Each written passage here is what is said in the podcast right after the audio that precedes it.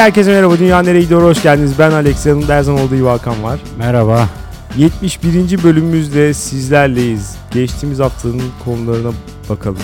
Bakalım. Romance dünyayı %67 ile iyiye götürüyor çıkmış. Ay, Güzel. Evet. Homoluktan korkmayan bir milletiz. Evet. Erkekler artık bir ileri adım atıyor. Bu şeyle birlikte. Ee, E-kitaplar dünyayı iyiye götürüyor çıkmış. O da %67 ile. Rezalet. Rezalet değil. Yani dinleyicilerimiz her zaman olduğu gibi yine ilerlemeden, teknolojiden, gelişimden yana kullanmış oyunu. O kokuyu istemiyorlar diyeceğim. O kitap kokusunu Evet. istemiyorlar diyeceğim ama o e-kitapların da ayrı bir kokusu var biliyor Plastik kokusu istiyorlar. musun? Ha. Olabilir. Yani o da O o da sonuçta Yeni şey. plastik kokusu aynı kitap kokusu kadar bağımlılık yapabilecek bir şey. Kindle'ımı koklayınca ben buna vardım. Bir süre kokladım biliyor musun? Kindle'ını. Evet. Yorumlara geçelim. Salinger demiş ki acaba bildiğimiz Salinger mı bu? Olabilir mi böyle bir şey? Sanmıyorum. Öyle mi? Öldü tabii canım. Ee, demiş ki zaten daha ilk kelimesinde yazım hatası yapmış. O olamaz herhalde. demiş ki her şeyi sayısallaştırdığımız dünyamızda dijitalleşmeye tamamen entegre olmakta çetin mücadele veren son analog kaledir kitap demiş. Kokusu, kitaplıktaki entel duruşu, sahaflar, çocuklarına bırakacağın altı çizili kitap nostaljisi, Kindle'ın veremeyeceği şeyler. Fiziksel kitap fetişi olarak Hakan'ın yanındayım demiş. Sen de fiziksel kitap fetişi misin? Fetişiyim ara ara sürtünüyorum. Şimdi bunu inkar edecek değilim. Fetişi. o ne demek? Bilmiyorum senin yanındaymış. Dolayısıyla senin de onun aynı şeyleri söylüyorsunuz gibi düşünebiliriz. Biri senin yanındaysa aynı aynı kategoridesin. bazen Evet. bazen oluyor değil mi öyle bir şey? Mesela hiç istemediğin birisi veya hiç istemediğin bir şekilde savunulduysan diyesin geliyor yani. Lütfen sen hani sen, sen sus ben kendimi de savunurum diyesin geliyor. Yapamazsın. Anonim demiş ki kadınların duygularını birbirlerine daha rahat açmalarının sebebi arada fiziksel ilişkinin de olması bence demiş. Sarılmalar, öpüşmeler, aynı yatakta yatmalar kadınlar arasında çok yaygın ve bu aradaki ilişkiyi kuvvetlendiren bir şey. Ayrıca Epik'le bir bölüm çok hoş olabilir sesini özledik demiş bir de kalp koymuş. Oo, Epik'le bölüm yaparız ama öteki dediklerine katılmıyorum ben. ne demiş? Fiziksel temas olduğu için zaten kadınlar bu kadar yakın demiş. Hmm. Kesinlikle katılmıyorum buna. Erkeklerde de fiziksel temas bolca var. Ya bazı bazılarında özellikle evet. Ama onlar da hiç o kadar şey değil. Ekstra yakın falan değiller yani. Böyle genelde kadınlar daha çabuk yakınlaşır, erkekler biraz daha zaman alır gibi bir ön yargı var. Bence tam tersi geçerli. Ben de tam tersini duymuştum bu arada sanki. Hmm. bir İki sürü farklı şehir ön yargı var. Evet. Başka bir anonim demiş ki komplo teorisi bölümümüzden hemen sonra tarihin en büyük komplo teorisyeni Alex Jones'un Facebook ve YouTube'dan banlanması. Dünya nereye gidiyor yine gündemi belirledi demiş. Doğru yani. Ale- Alex Jones ben en çok şeye şaşırdım. Adam hani zaten sürekli şey modunda ya böyle. Bütün işte bu küresel sermaye bana karşı işte medya işte yeni silikon vadisi bana karşı falan hep böyle diyor. Hakikaten adamı doğrular gibi hepsi aynı gün banlamış ya adamı. Hem hem Apple hem YouTube hem Facebook falan hepsi aynı gün banlamış. Yani adamın sanki eline biraz koz vermiş gibi olmuşlar gibi geldi. Kürşat Taydaş demiş ki E-kitap büyük kolaylık. Gerek arşivlemek, okurken not almak, alıntı yapmak falan çok kullanışlı. Ama nedense yine de kitapların verdiği duyguyu yaşatmıyor. Korsan olayı da insanı mecbur ediyorlar kardeşim demiş. Biraz o da Haklı. şey yapmış. Meşrulaştırmış. Haklı. Ee, bromance'i ilk kez duymuş. Enteresan bir konu demiş. Anladığım şekliyle çoğumuzun böyle dostlukları vardır. Sayısı azdır bu dostlukların. Belki bir iki kişiyi geçmez. Ama işin diğer tarafında sanki gaylerin kendilerini bulduğu bir kılıfmış gibi geldi demiş. Bunu bilmiyorum sanmıyorum ya gaylerin böyle bir derdi olduğunu değil mi bromance falan onlar öyle bir şey söylediklerini zannetmiyorum zaten. Biz kardeşim dostum kankam falan demeye devam edelim. Uf korkunçmuş. Kardeşim korkunç mu diyorsun? Güzel değil mi? Kardeşim, kardeşim, kanka. Yani bütün Sen ne bunları... tercih edersin? Hacım nasıl mesela? Ha, of, yani, of, of, of. Ah, bilmiyorum cidden e, bir tercih belirtemedim şu an. Brocuyum desen. Brocuyum. Brocuyum. Başka bir anonim demiş ki homo olarak yargılanmaktan korkan heteroseksüel erkeği tasvir etmek için kırılgan erkeklik kalıbını kullanabilirsiniz demiş. Ya kullanabiliriz tabii ama tam karşılamıyor bence. Kırılgan erkeklik başka şeyler için de kullanılıyor çünkü. Kadın erkek ilişkileri için de kullanılıyor. Ha, Yani o yüzden onu e, atlıyorum. Böyle bir şey söyleyemeyiz maalesef. Insomniac demiş ki geçen hafta yaptığım yorumu okumamanız beni derinden üzdü. O zaman zamanda yapacaksın yorumu. Mi? Biz kayda girdikten sonra yorum yaparsan nasıl okuyabiliriz? Diğer yandan e-book ve Kindle kullanımının çevreci yönünden bahsetmenizi beklerdim. Ya bir şey söyleyeceğim. Gerçekten benim hiç umurumda değil. Yani daha, açık nasıl ifade edebilirim bilmiyorum ama. Ya umrunda olsa bile ağaç kitaba gitsin be. Değil mi yani? Ayrıca da öyle. O B'yi koymadan aynı etkiyi belki yaratmaz bu cümle ama eee, olsun. E, Ya o kadar da bir ağaç ürüyor. Yapılır yerisine yani. Kitapları zaten. karşılayacak kadar ağaç dikebiliriz bence. Bence de katılıyorum. Ez ya da Easy demiş ki çok yakın bir arkadaşım aynı evde yaşadığımız dönemde arada bir ben onun önünde yürürken götümü elliyordu. Ve arada sakso çekmem için yalvarıyordu. Yalvarıyor muydu? Bu bromance hikayesi sayılır mı? Ya kesinlikle sayılmaz bence. Bunun bromance falan ilgisi yok. Sonra bir kızla tanıştırdım. Evlendi salak. Bok varmış gibi demiş bir de devamında. Şimdi yüzünü zor görüyoruz. Keşke tanıştırmasaydım da o hatunla daha çok takılabilseydik. Bunun için vermem gereken bedele de razı olurdum. No homo demiş. Helal olsun. Sen işte tam bir kadar- bromance hikayesi. Ama istediğin kadar sonuna no homo yaz. Önceki o fiziksel olaylardan dolayı ben şey yapamadım şu an. Yapma. Bu tam bir bromance'tır. Sonu kesinlikle evet. Yani keşke evlenmeseydi de daha çok görüşseydik evet. Ama başı göte şaplak Bromance göte olmalı mı? şaplak olur. Olmalı mı? Tabii. Bromance'in olmazsa olmazıdır. Yunus Emre demiş ki selamlar ben metroda dolmuşta otobüste kitap okuyamayanlardanım. Midem bulanıyor hemen. Siz yaşamıyor musunuz bunu demiş. Bunu yaşıyoruz ya bana da oluyor. Ama e, otobüste ben de okuyamıyorum bu arada. Metroda okuyabilmeye başladım mesela çünkü biraz daha az sallanıyor. Bir de bir, alışkanlık yani. Muhtemelen biraz denersen her yerde okursun. ya Pratik bilmiyorum. meselesi. Evet ama normal kitap okuyamazsın. Ne kitap okuyabilirsin? Ya. Kara propaganda. Demiş ki bu olay resmen hayat kalitemi düşürüyor. Bir buçuk saatlik servis yolculuklarımda eskiden sürekli müzik dinlerdim. Canım tak etti şimdi podcastlere sardım demiş. Güzel. Bizi de böyle dinlemeye başladı. Herhalde öyle anlıyorum. O yüzden güzel. Yoksa anlayamıyorum ama o yüzden güzel. Ee, bir de mail gelmiş. Neymiş? Onu da istersen okuyayım. Hemen. Demiş ki öncelikle selam. 22 yaşlarında bütün bölümlerinizi Ay spesifik. evet. Ay. Ee, bütün bölümlerinizi dinleyen heteroseksüel bir erkeğim. Şimdiye kadar anladığım kadarıyla Alex'le sosyal ortamlarda benzer bir kimlikteyiz. Nasıl bir kimlik acaba bu? Ben de merak ettim. Çok tehditkar bir sıfatım yok. Belki bunun etkisinden, belki de insanları çok fazla yargılamadığım için kendimi çok defa bromance'de bulduğuma inanıyordum şimdiye kadar. Benziyor mu bana? Ne dersin? Şu an bence e, dünyadaki tek e, bu insanla karşı karşı karşıyayız. Yani. Kendisi bir tek, bir teklik, bir tekil bir şahıs. Ee, bu bölümde anladım ki sebebi etkinliksiz baş başa adam buluşmalarından kaçmıyor oluşummuş. Benim bu kavramda gördüğüm sıkıntı şu. Bir yerde muhabbet sahip olduğumuz 100 kilo taşakları birbirine vura vura çok iyisin kardeşim diye haykıracak noktaya gitmesi demiş. Yani bu böyle mi oluyor birebir buluşunca? Hiç görmedim, duymadım, yaşamadım. Bu da varmış. Bir de tekrara çok düşüyorsun. Onun dışında kendi iyi hissettiren bir durum. İnsan içinde yapılmıyorsa tabii diye de not düşmüş.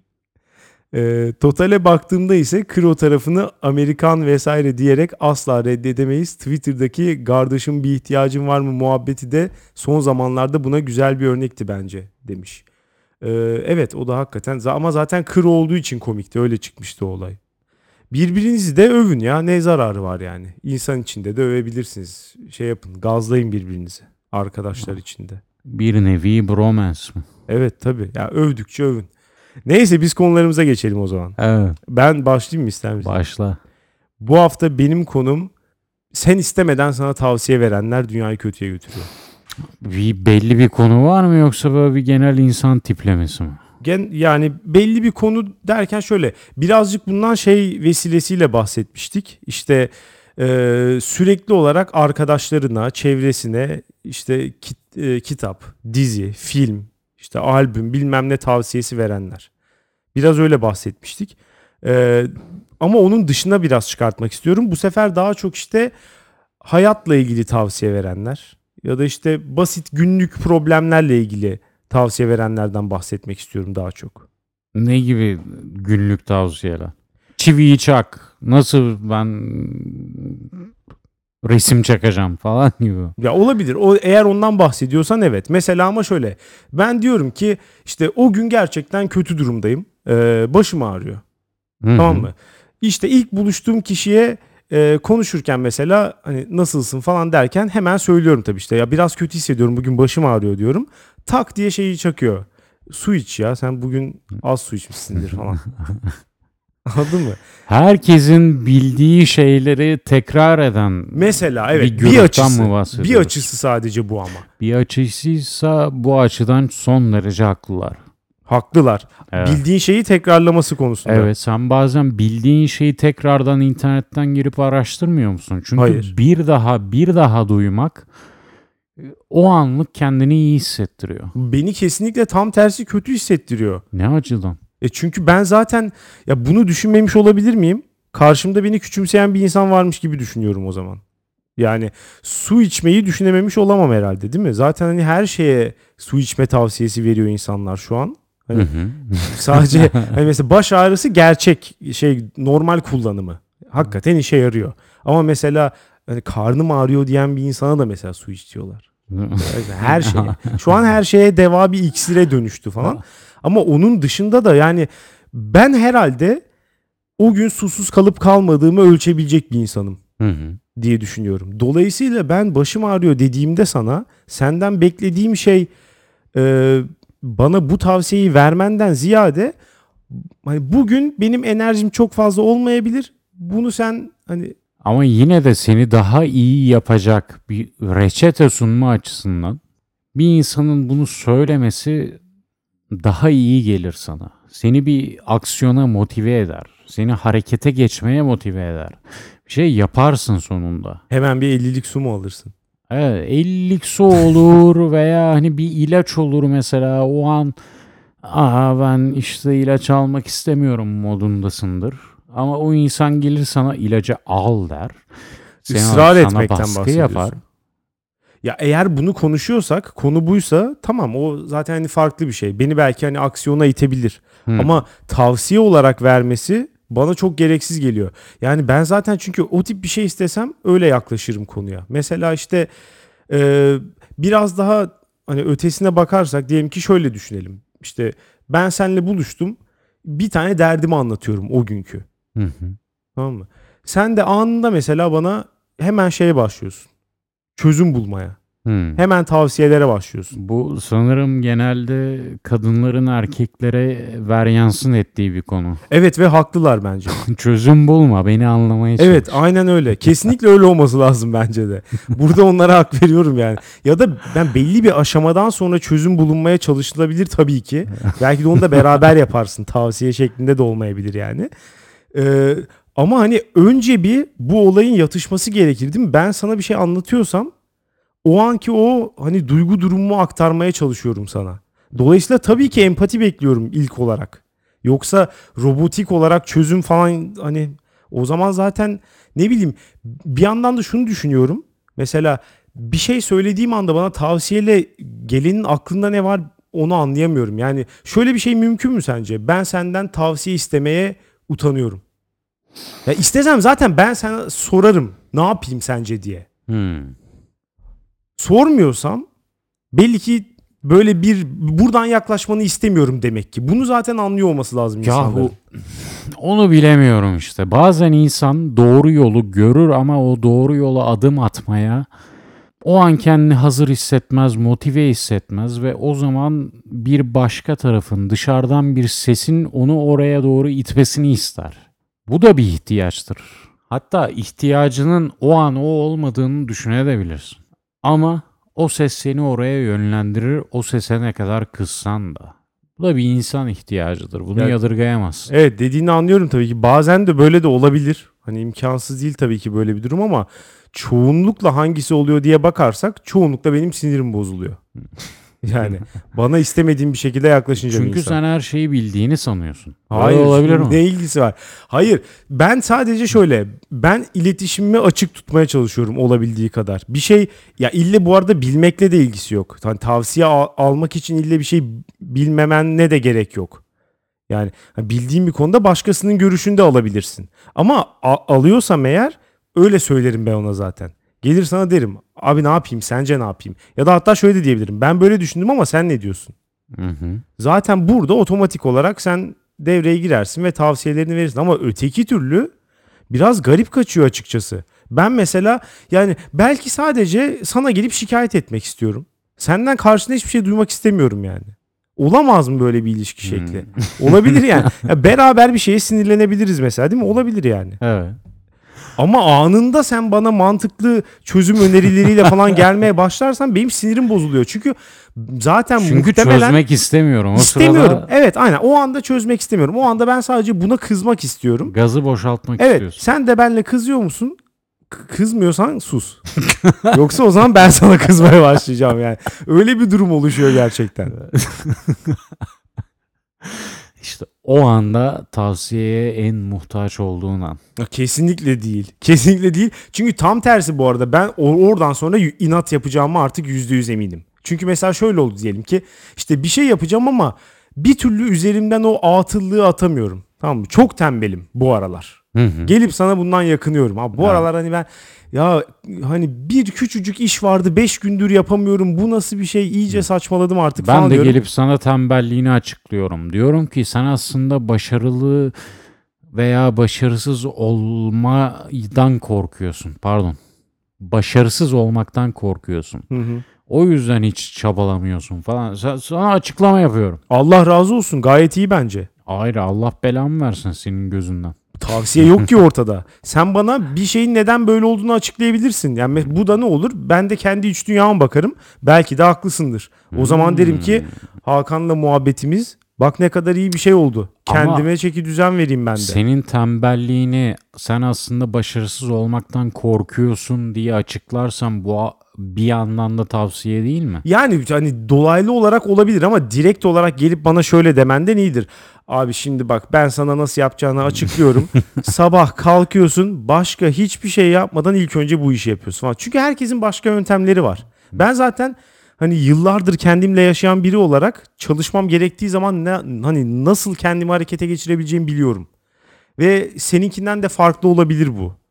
Ama hani buna rağmen işte tavsiye vericiler genelde böyle insanlar. Hayata e, hayatı çok böyle basit temeller üzerine kurmuşlar ve işte her şeye karşı şablon bir çarenin olduğunu düşünüyorlar. Problem zaten aslında biraz buradan kaynaklanıyor. Yani Hı. işte e, tembellik mi yapıyorsun? Çalışamıyor musun? Çaresi kesinlikle bu olmalı. İşte kilo mu veremiyorsun? Kesinlikle şöyle bir diyet yapman lazım. Halbuki Öyle Herkes için ama. bence öyle ya değil. Diyeti söyleyeyim. Boğazından kısacaksın. Yani bu çok mu? bu kadar yani bu kadar üst seviyeden bakarsak Ya, tabii ki öyle de. Evet tabii ki. Ya, Ya ya bunu zaten öyle kimse ama. reddetmez. Ha, bu Onu olayı bir bilim haline getiren rezaletleri bir kenara bırakman lazım ya. ya. Bunu duymak istemiyorsan tamam. Hakikate kulakların tıkalıysa sadece bağırmak istiyorsan tamam. Yöntem, yöntem yöntemden Beraber bahsediyorum. Senin bağıralım. söylediğin şey bir yöntem değil yani. Hani kilo vermek isteyen bir insana yemek yeme demek bir yöntem önermek olmuyor yani. Hmm. Zaten bildiği şeyi söylemiş oluyorsun adama. yani hani bir şey, işte egzersiz yap ve daha az yemek ye falan dersen zaten hani buna kimse niye itiraz etsin? İşte çoğunluk Ama gelip zaten. de bana bir diyet şekli önerirsen ve ben de mesela onu hani yapamıyorsam ya da yapmak istemiyorsam biraz garip bir ortam oluşuyor. Mesela bunu reddetmenin sorumluluğunu da bana yüklemiş oluyorsun. Bunu da hiç sevmiyorum. Ben mesela bu konuda utangaç bir insanım yani. Saçma sapan tavsiyeler veriyorsun diyelim ki bana. Orada yüzüne de söyleyemem açıkçası. Yani bu dediğin oldu mu şimdi? Diyebilir misin yani kolay kolay? Diyemezsin. Mecburen orada oturup dinleyeceksin. Kafası "Hmm, ben evet bunu bunu düşünmemiştim falan. Halbuki düşünüp elediğin şeyler onlar genelde. yani dinleyip böyle evet haklısın. Evet. Bir de bir de onu şey yapayım falan. Böyle oluyor ama. O bile faydalı. O bile faydalı. O zaman madem böyle diyorsun sana hakikaten hani başına gelince bunu anlayacaksın diye düşünüyorum. O yüzden eee, sana şunu diliyorum. Hasta ol, ofise git ve ofiste insanlar işte burnunun tıkalı olduğunu ya da öksürdüğünü falan gören insanlar sana tavsiye vermeye başlasın. Bu ben hayatımda bu kadar bitmeyen bir şey görmedim. Yani hakikaten çok garip bir ortam oluşuyor bir anda. Herkes başka bir tavsiyeyle geliyor. Bazı insanlar birden fazla tavsiyeyle geliyor. Mesela vitamin al. A vitamini al. C vitamini al. Öbürü geliyor C değil D vitamini al. Biri geliyor hepsini birden al. İlaç söylüyor. İlaç içme. Yat. Kalk. Burnuna çok deniz suyu sık derken- mesela. Ya işte herkesin Hayatta yapmam. Durduk yere bak. Durduk yere hayatta burnuma deniz suyu sıkmam. Veya musluk suyunun tuz ve karbonat katılmış halini hayatta burnuma sıkmam. ya niye Ama biri gelip zaten? zorla bana yaptırıp burnuma sıktırtırsa ona müteşekkir kalırım ve yaparım. Ben yapmam. İnsan- Müteşekkir de kalmam. İnsanların verdikleri tavsiyelerle seni zorlamasına açık olmak lazım. Ya işte zaten ister istemez açık oluyorsun. Adam zaten söylüyor artık o hani benim benim kontrolümden çıkıyor zaten süreç. Kitliyor ve de sıralıyor hepsini. Hani şöyle yap böyle ben böyle yaptım oldu şu ilacı iç mesela. Nasıl bir cesaret bu? Belki üzerimde kötü bir etkisi olacak. Doktor değilsin, eczacı değilsin, bir şey değilsin. Evet. Belki alerjin var. Nasıl birine ilaç önerirsin kafana göre? Yani bunlar hakikaten garip durumlar. ben bir türlü anlayamıyorum. Biraz da şey gibi geliyor. Yani hani bunu söylemek istemiyorum ama hafif de bir hadsizlik de var ortada. Oo. Öyle yani. Çünkü hani motivasyon şuymuş gibi geliyor. Ya iki tane ihtimal var bence. Birisi sen- senden istemediği halde ona tavsiye veriyorsan iki ihtimalden bir tanesisin. Ya iyi niyetli ve düşüncesizsin. Birinci ihtimal bu. İkincisi de onun üzerinde hani dominasyon kurmaya çalışıyorsun. Kötü Hmm. niyetlisin direkt olarak. Ya da mesela bencilsin. Sadece o anda o tavsiyeyi verirken ki o il- güç ilişkisi hoşuna gidiyor mesela Hmm. otomatikman hani kendini onun üstünde görüyorsun çünkü. Sen tavsiye veriyorsun o uyguluyor. Sen ne demek bu? doktorsun o hasta. Mesela evet. Hani böyle bu bunu tatmin etmek istiyorsan bencil ve kötü niyetli biri olabilirsin. Hani öteki mesela biraz daha saftirik. O biraz daha düşünceli olması lazım sadece. Onu anlayabiliyorum. Yardım etmek istiyor falan. Ama bu ihtimal ben bununla çok fazla karşılaştığımızı düşünüyorum günlük hayatta ve çok hafife alındığını düşünüyorum bunun. Sana karşı savaş açan. İşte öyle değil. Sadece bencillik ediyor. Hmm. Yani. O Hiç hissi almak herkese bu arada böyle insanlar böyle. Yani ortamda duruyor ve herkese sürekli tavsiye veriyorlar. Her Hiç- konunun uzmanı. Hiç yüzüne vurdun mu bu insanların? Mümkün mü böyle bir şey sence? Söyleyebilmem. Fazla naziksin. Yani hayır ko- korkağım diyormuşum. Yok korkaklık da değil naziklik de değil biraz utangaçlık yani. O anda o yüzleşmeyi keşke aslında desteklediğim şey kesinlikle bu yüzleşmeyi yaşamak. Yani sö- söylemek bunu. Ama ben beceremem bunu söylemeyi. Yani, Filmlerde yaşamayı tercih mi edersin? evet orada oralarda güzel oldu. Yüzleşmeler filmlerde güzel. evet. ger- Gerçek hayatta çok daha karmaşık. yani ya, ya benim olduğum ortamda biri mesela ona ağzının payını verirse çok hoşuma gider. tabii ki. Hmm. Orada bir gülümserim Muhtemelen falan. ağzının payını veren de iğrenç bir insan olur ama. Evet. bu, bu da doğru aynen. Bu işin bir şeyi yok. Hani hiçbir çıkar yolu yok gerçekten. Herkes işin sonunda kötü adam oluyor. Problemi sunan da çözümü sunan da Evet. Kötü insan olmak zorunda. Biz iyi insanlar sadece bakan, gözleyen ve izleyen tarafı olmak İyi durumundayız. teşekkür ederim. İyi insanlar sınıfına beni ve kendini koydunuz. Hemen sıyrıldım. o zaman ben sana bir tavsiye vereyim. Senin konuna geçelim. Güzel geçtik. Film dedik ya. Evet. Filmlerde yaşamak. Filmlerde o durumu dublajla mı yaşamak istersin? Yoksa altyazıyla mı?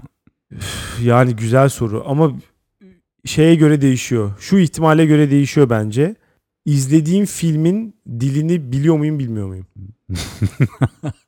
ne demek Ya çünkü şöyle olabilir mesela İngilizce bir film izliyorum. Evet. A- esasında anlıyorum ama yine de Türkçe altyazı olsun isterim. Onu dublajla izlemek istemem mesela. Hmm. Ama örneğin Japonca bir filmse zaten hiçbir şey anlamıyorum Hmm. se- o sesten. Vurgulardan falan hiçbir şey anlıyor musun Japonca'da? Bir şey belli olmuyor yani. Onda bence fark yok. Ben dublajlı da olur. Hatta belki dublajlı daha iyi olur. Çok güzel bir cümleyle sonlandırdın. Dublajlı daha iyi olur. Dublaj dünyayı iyiye götürüyor. Ve sadece Japonca filmlerde değil, genel olarak. Tabii ki böyle bir faşist mantıkla tüm dünyadaki filmler dublaj olmalı demeyeceğim. İkisinin de farklı zevkleri var. Mesela az önce dedin ya orada karşı çıkacağım sana. Japon filmlerinde dublaj daha iyidir. Halbuki dublaj için söylenebilecek iyi tek şey varsa o da şu. Dildeki nüansları bazen tercüme ederken kaybedebilirsin. Tabii ki. Ve Japonca'da muhtemelen bu en çok kaybe- kaybedebileceğin şey. Ama o altyazı için de geçerli değil mi? Yani sonuçta zaten çeviri şekilde geliyor sana film. Evet. Altyazıda da kaybolmuş olacak. Sesi duyabiliyorsun. Sesteki nüanslardan bahsediyorum. Anlıyor musun peki tonlamaları? Japonca'da kim ne konuşursa bana sadece birbirlerine bağırıyorlarmış. Hep bir sinirlilik varmış gibi geliyor. Hep böyle bir işte so, ha- sesli harfleri böyle bir yükselerek bitirmeler falan. Alt yazı ile birleştirdin mi biraz anlayabilirsin bence. Alt yazıda böyle bir anda kelime yükseliyorsa, bağırma noktasına geliyorsa ha hani senkronizasyon olmasa bile cümlenin başında ses yükselmişse bile adamda sen Burada burayı dedi diyorsun. evet aynen Ama o biraz da o zaman şey değil mi? Dublaj e, işte ses sanatçısının marifeti gerçekten. Bazıları çok çok iyi oluyor. Bazılarını mesela orijinaline tercih edersin.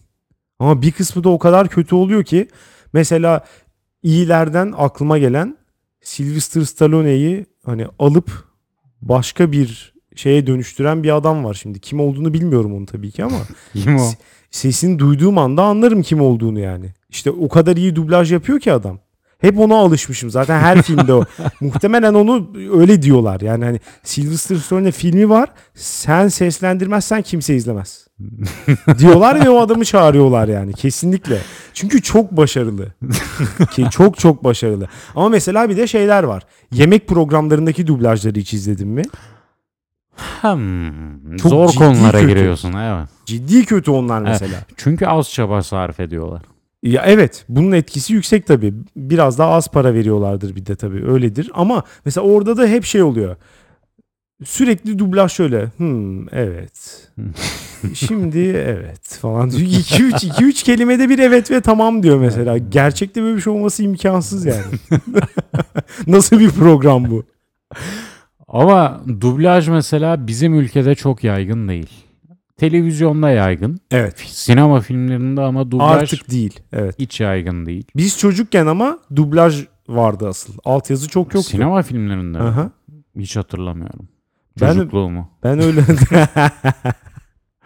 Yoktu benim bildiğim. İyi Yani yani. Türkiye dublaj bakımından çok ileri bir ülke. Bunu biliyorum. Hmm. Dublaj sanatçıları falan Evet. hakikaten de iyi izlediğinde ama dublaj pek yaygın değil. Aksine Almanya, İtalya, İspanya gibi kıta Avrupası denilen ülkelerde bayağı yaygın. Vizyonda kendi orijinal dilinde yayınlanan bir film bulamıyorsun. Olmuyor evet. Ya garip. O gerçekten ilginç. Bu arada bu konuda şeyi söyleyeyim.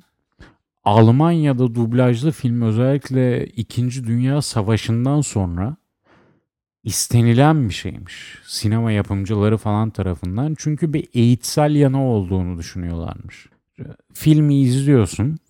Oradaki davranış biçimleri ve değerler bunları izleyen taraf daha iyi özümseyebilsin diye kendi dillerinde duyması gerektiğini düşünüyorlarmış. Böyle bir eğitsel yanı var. O zaman daha Belki iyi daha etkili olabilir gerçekten. Değil mi? Yabancı dilde bir konuşan bir insanı rol model olarak alman Evet içselleştiremeyebilirsin. evet. Ama bilmiyorum ya. Eğer peki ya çok kötüyse dublaj? o zaman ne yapacaksın? O zaman dünyanın en şeyi olsun. Mesela işte Sean Connery, James Bond ama ses rezalet. Tonlamaları falan adam mesela mahvetmiş, katletmiş. Hmm. Ya o zaman kötü. Yani Evet. ona, ona şey yapamayacağım. Dublajın... İşte bu ihtimale açık olmak yerine altyazıdan okumayı tercih ederim. Peki ya adamın kendi sesi çok kötüyse Polat Alemdar? O zaman dublaj şart oldu şart hakikaten yani. O başka türlü düşünemiyorum. Kurtlar Vadisi dizisi belki devam ederdi ama tür değiştirmek zorunda kalırdı. Hani komediye doğru. Hani Şeye de absürt şeyler oluyor. Herif mafya ama çok yumuşak bir tip. Çünkü o ses çıktıktan sonra kimse ciddiye almaz böyle. Çocuk gibi şey yapıyor. Çocuk gibi konuşuyor sesi. Gerçekten çok aşırı aşırı kötü bir sesi var. Hani ma- orada gelen mafya babasının Bu durumlarda dublajı savunuyor musun? Polat Alemdar özelinde yüzde yüz savunuyorum. Genellersek role uymayan sese sahip insanların Evet. çok Kesinlikle. iyi aktör. Ama ses gitmiyor bir şekilde gitmiyor. Olabilir evet olabilir. Dublaj daha iyi değil mi? Ke- kesinlikle öyle. Gerçi bak burada iki ayrım yapmalıyız. Bir mesela Kurtlar Vadisi gibi Türkçe çekilen bir dizi. Hı hı. Karakter Türk, konuşuyor ama sesi iğrenç. Evet. Bunun üzerine başka bir Türkçe karakter onun söylediklerini söylüyor. Bu Hı. ayrı. Bir de yabancı dilde çekilen bir film veya dizi. Burada dublaj girmesi ayrı. Ya evet ayrı çünkü mesela bazen de şöyle şeyler oluyor. Ee, filmin orijinalinde olan ses tonu ve konuşma şeklini mesela vermeye çalışıyorlar ya. Örneğin işte polisiye filmlerde beyaz polisle siyah polis arasındaki konuşma farkını mesela. Evet. E, Burada dublaj çok garip oluyor. Olmuyor ya bunun mesela denenmemesi bile lazım muhtemelen. Saçma bir durum oluşuyor yani. Burada sen şunu diyorsun anladığım kadarıyla. Bazı etnik kökenlere göre konuşma diyalektleri, konuşma biçimleri çok farklılaşabilir. Evet. Ve bu nüansları dublajda yakalayamaz. Ya yak- yakalamaya çalışınca komik oluyor. Keşke normal versiyonu da bari de hani şey olmasa ya da bir şekilde e, Türkleştirilebilir mesela. Hmm. Mesela işte e, işte siyah polis örneğin Karadeniz şivesiyle konuşsun mesela. Bu nasıl fikir? Böyle bir şey olabilir belki. Ha, öteki türlü çünkü çok garip Türkiye'nin oluyor. zencileri Karadenizliler mi diyorsun? ne zencili oğlum? Ya hayır o an aklıma o geldi diye söyledim. Onu düşünmeden söyledim de. Mesela bence ya ben bir sürü İngilizce bilmeyen insandan şunu duydum. Amerikan filmleri iyi ama diyalogları biraz garip. Hani Hmm. birbirleriyle garip konuşuyorlar. Falan. Bunun bence birinci sebebi dublaj. Çünkü öyle konuşmuyorlar. hani onları söylemiyorlar. Hem kötü çeviri bir de üstüne dublajda mahvediyorlar. Dolayısıyla tüm filmler bir hani absürt komedi sınıfına giriyor gerçekten. Senin gözünde. Sen e, yabancı dilde izleyip altyazılı okuyan gözünde belki komediye varıyor olabilir. Ama halbuki tüm filmler dublaj olursa ve bu iyi yapılırsa bir evrensel dil de yakalanabilir. Mesela ben bazen yabancı kitapları okurken, çeviri okurken hakikaten böyle biraz ekrana bakıyor gibi hissediyorum. Şimdi dublaj filmlerine geliyorum. Bazen ciddiye fazla almamak daha iyi bir deneyim yaşatabiliyor insana. Dublajlı filmlerde ben bunu yaşıyorum. Mesela Türkçe dublaj var. O zaman görüntüye daha fazla odaklanabiliyorsun ve görüntü daha evrensel bir dil. Diyaloglar Türkçe sürüyor arkada ve daha iyi bir deneyim. Ya bilmiyorum ben buna çok fazla katılamadım maalesef. Yani e, çünkü hepsi bir bütün ya. Hani işte görüntüye odaklandım, sese odaklandım falan şeklinde mi gerçekleşiyor? Bence öyle olmuyor. Hepsi bir bütün şeklinde algılıyorsun. E birinden biri eğer hani çok bozuksa Ağzını filmden seveyim. aldığım keyif tamamen sıfırlanıyor maalesef. Ağzını seveyim. Bir bütün olarak algılanıyor dedin değil mi? Evet. Bu kendi dilinde dinlemek istiyorum diyenler bir film bir bütündür ve onun içine girmeliyiz. Onun parçalara ayıramayız diyenler. Halbuki dublaj mesela bir filmi daha bir mekanik bir hale getiriyor. Mekanik demek şu. Ses ayrı, görüntü ayrı. Yani bunların hepsi işleyen bir mekanizmanın dişlileri.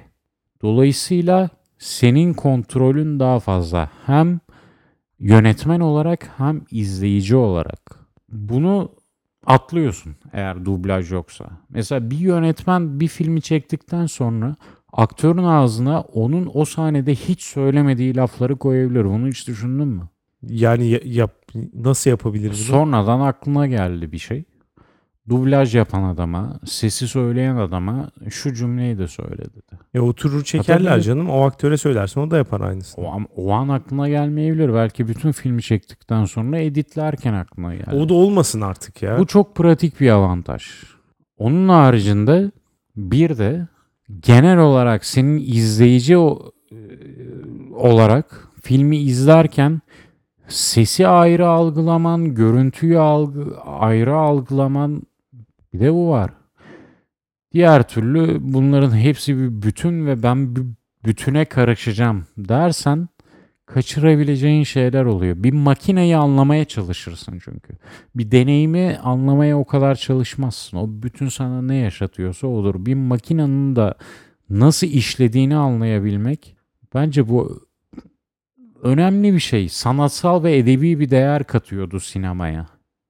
Hala var bu arada dublajlı filmler. Daha az belki ama var yani. Evet. Yok olmuş değil. Ama yani bir sinemanın sana bir mesaj sunması açısından yani yönetmenin sadece şunu düşünmek yerine ben bu izleyiciye bir deneyim yaşatacağım. Onu bu filmi adeta bir gerçek hayat enstantanesiymiş gibi yaşatacağım haricinde ben sesle şöyle bir algı yaratacağım. Görüntüyle şöyle bir algı yaratacağım. Bu ikisinin bütünlemesiyle şu sahnede şöyle bir şey yaratacağım. Bunu diyebilmesine imkan sağlayan bir şey. Bugünün sinemasında hakikaten yer bulması zor. Ama bunun için dublajı da filmi yöneten kişinin yönetiyor olması lazım. Yani adamın O haberi bile adamın haberi bile yok yani. Nasıl yok ya? E bilmem kaç tane ülkeye çev şey yapıyor. Çevriliyor. Bir sürü dil var. Şimdi mesela adam Amerika'da filmi çekmiş, göndermiş Türkiye'deki kopyası. Türkçe dublajcı nereden anlayacak ne söylendiğini? Fena yakaladın beni. Programdan istifa ediyorum. Kapa. Kapa. Onu boş ver de şunu soracağım asıl. Mesela şuna ne diyorsun? Kendi kendine dublaj yapan oyuncular, diziler. Mesela Arka Sokaklar dizisinde böyle bir olay var. Ben bunu keşfettikten sonra o diziyi normal bir şekilde izleyemedim. Ne o? Diziyi sessiz çekiyorlar. Özellikle bazı sahneleri. Ee, özellikle de Light erkek Selami'nin olduğu sahnelerde bunu çok fazla bunu. Oradaki karakterin adını bilmiyorum. Onun olduğu sahnelerin hepsinde bu var. Sonradan seslendiriyor adam stüdyoya girip ama bir şekilde özensiz yaptıkları için senkron tutmuyor. Tamam mesela ağzını kapatmış hala bir şeyler söylüyor. Hmm. Bunu gördükten sonra artık o dizide başka hiçbir şey izleyememeye başladım. Öyle deme. Olay örgüsüne muhtemelen daha iyi dikkat ediyorsundur. Ama mesela ona dikkat o da ayrı bir komikliği var onun da yani. Bunu- izliyorsun mesela ona gülüyorsun. Dikkatini çekiyor. Kancalıyor seni. Evet. Bu da önemli. Ee, bir de bir de şunu soracağım. Mesela şimdi Polat Alemdar'ı seslendiren adam dedik. Şimdi o aynı adam gitti bir de doktorlarda Doktor Kutsi'yi seslendirdi. Burada bence problem başlıyor. O adamın üzerine bir şey koymaları lazımdı. Yani sadece Polat Alemdar'ı seslendirebilir gibi. Aa, öyle bir şey yok. Sen aynı aktörü farklı filmlerde görünce şaşırıyor musun? Ya ama işte bu aktör gibi değil. Yani bu ses çok spesifik gerçekten. Yani olmuyor. Çünkü işte görüntüde onu bekliyorsun. Ses öyle geliyor falan. Orada ge- ha- gerçek bir hakikaten beyin erimesi yaşıyorsun. Hmm. Birden fazla şey gündeme geliyor. Artık or- ben oradan geri dönemedim. Yani Doktor Kutsi'ye bir türlü konsantre olamıyorum doktorlarda. Beceremiyorum yani maalesef. Hep bir yerden hani arkadan Polat Alemdar gelip millete sıkacak. Kafa kesiyor. Aynen. Racon değil kafa kesiyor. Ama Polat Alemdar hakikaten gerçek sesiyle olsa Memati en çok 3. 4. bölümde falan hani onlar bir araya geldikten sonra tabii bir darbe yaparlardı ona. E Çakır kendi sesiyle gitti gitti gitti. Ne oldu sonu? Çakır kaldı. Ama onun sesi fena değildi. Yani oradan mesela o sesli bir Polat Alemdar'a düşmek Memati için şey yapamazdı. Kesin derdi. Hani sen bir kenara çekil artık lider benim. Ama Bu hem bu şekilde konuşamazsın yani. Kimse bizi ciddiye almayacak derdi ve geri çekilmek zorunda bırakırlardı onu. ama Çakır'a da dublaj olsaydı adam belki, Belki ömür giderdi, boyu? Çakır rolünde kalmazdı. bir insan hayatını etkiliyorsun. Daha ne olsun. Hadi gidelim. Gidelim. Bu hafta benim konum sen istemeden tavsiye verenler dünyayı kötüye götürüyordu. İyiye götürüyor. Benim konumda dublaj dünyayı iyiye götürüyor. Siz de her türlü görüşünüzü dünyaneregidiyor.com'dan bize iletip ankete katılabilirsiniz. Bizi dinlediğiniz için teşekkür ederiz. Haftaya salı görüşürüz. Güle güle.